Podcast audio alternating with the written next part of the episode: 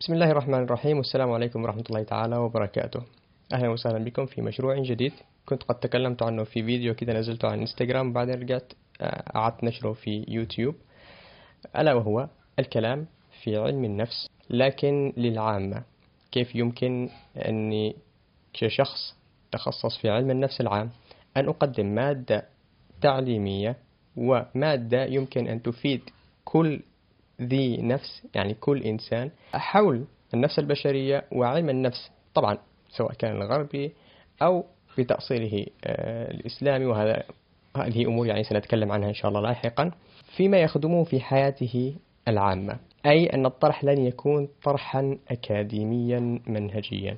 فخلصت إلى هذه المادة التي سميتها نفس وما سواها. طب واحد هيقول هذه أنت استلهمتها من سورة الشمس لكن قلت نفس ليس نفس وهي في سورة الشمس ونفس أيوة هي ونفس لأنها سبقت بواو القسم.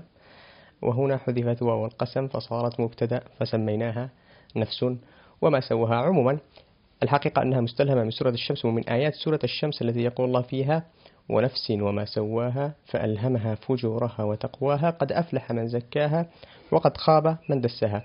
كانت لدي هكذا دعوة قديمة أن هذه الآيات من سورة الشمس في نظري من أهم الآيات التي تتحدث عن النفس البشرية في القرآن الكريم وفيها يعني تقريبا اختزال لكل ما يتعلق بالنفس البشرية أو تكثيف لكل ما يتعلق بالنفس البشرية. فلو رحت تتعلم مثلا علم النفس حتى في الغرب ورجعت يعني تتفكر وتتأمل في معاني هذه الآيات لوجدتها يعني تكثف معاني كثيرة.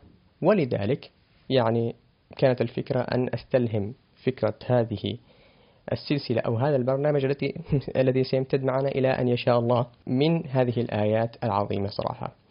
هل معناه أننا يعني نؤسلم علم النفس الغربي أو نؤسلم العلم بشكل عام كما يعني يؤسلم كل شيء هذه الأيام. لا بصراحة أنا عندي تحفظ من أسلمة كل شيء.